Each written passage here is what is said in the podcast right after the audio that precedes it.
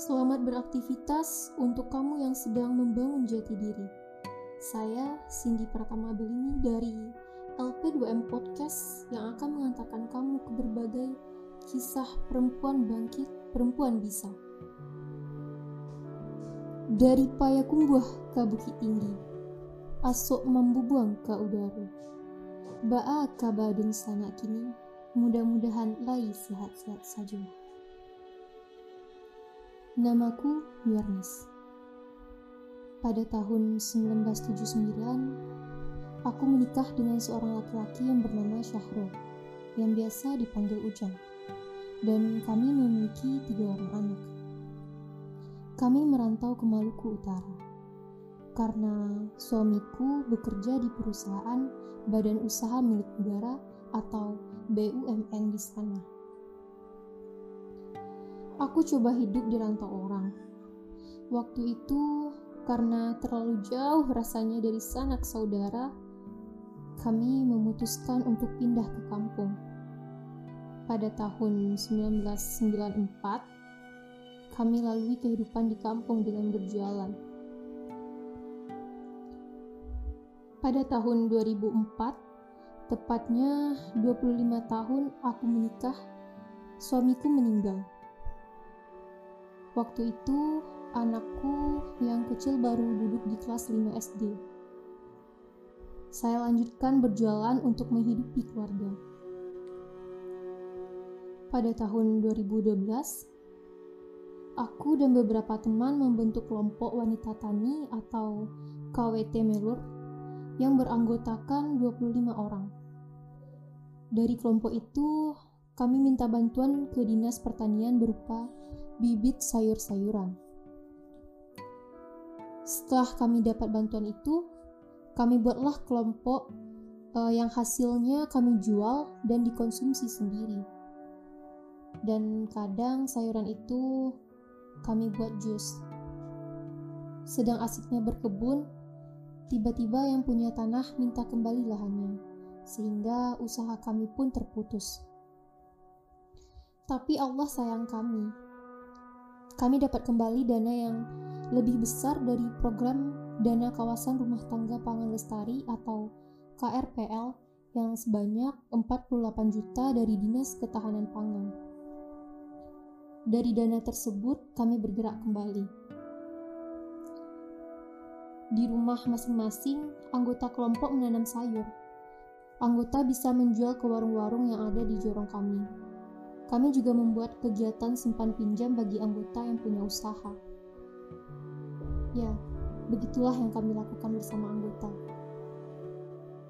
Pada tahun berikutnya, kami dapat bantuan kembali berupa mesin bajak dari Dinas Pertanian. Dari hasil mesin bajak itu, kami dapat tambahan modal untuk kas kami. Hingga kami dapat membeli satu ekor sapi yang dipelihara oleh anggota kelompok Adha kami jual sapi itu dan keuntungannya menambah kas kelompok. Awalnya kegiatan simpan pinjam itu berjalan lancar-lancar saja. Tapi bulan-bulan berikutnya sudah mulai macet. Bahkan ada yang tidak bayar sama sekali hingga keluar dari kelompok. Begitulah lika-liku dalam berkelompok. Tidak selalu indah dan lancar. Dalam kemelut itu, kami mencoba cari jalan lain. Kami mengadakan pelatihan tata boga dan alhamdulillah hasilnya bagus. Dan di antara anggota sudah ada yang menerima pesanan kue. Keseharian saya selain berjualan juga mengikuti berbagai organisasi di dalam negari dan jorong. Dan sering mengikuti, lomba masak di negari sampai ke kabupaten. Lomba yang kami ikuti ini berbasis B2SA atau beragam bergizi seimbang dan aman. Pada tahun 2015, kami didampingi oleh LP2M. Kami mengikuti berbagai macam pelatihan. Pelatihan Community Organizer Pergerakan Rakyat atau CO, pelatihan mengenai hak kesehatan seksual reproduksi atau HKSR pelatihan pendidikan orang dewasa atau POD, pelatihan manajemen keuangan, dan banyak lagi pelatihan yang kami ikuti.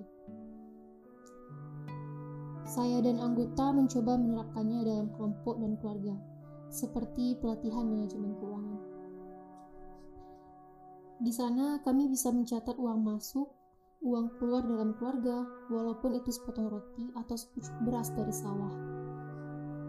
Dari situ kami belajar alangkah pentingnya perencanaan dalam keluarga.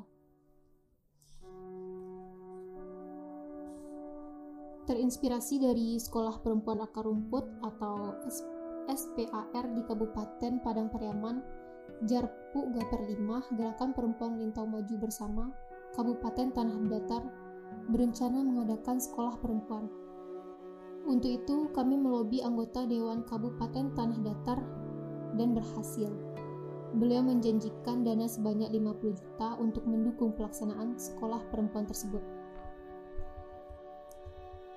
Di balik itu semua, kami selalu diberi motivasi oleh LP2M untuk bisa menjadi perempuan yang hebat dan tangguh, tidak mudah menyerah dengan keadaan. Dan sebagai seorang perempuan, kita tidak boleh lemah.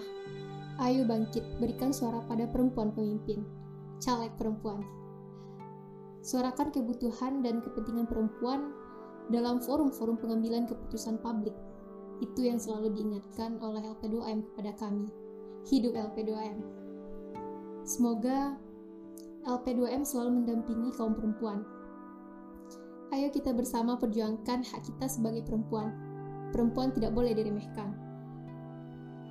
Ya, semoga tulisan saya yang singkat ini bisa bermanfaat buat kita semua. Terima kasih LP2M.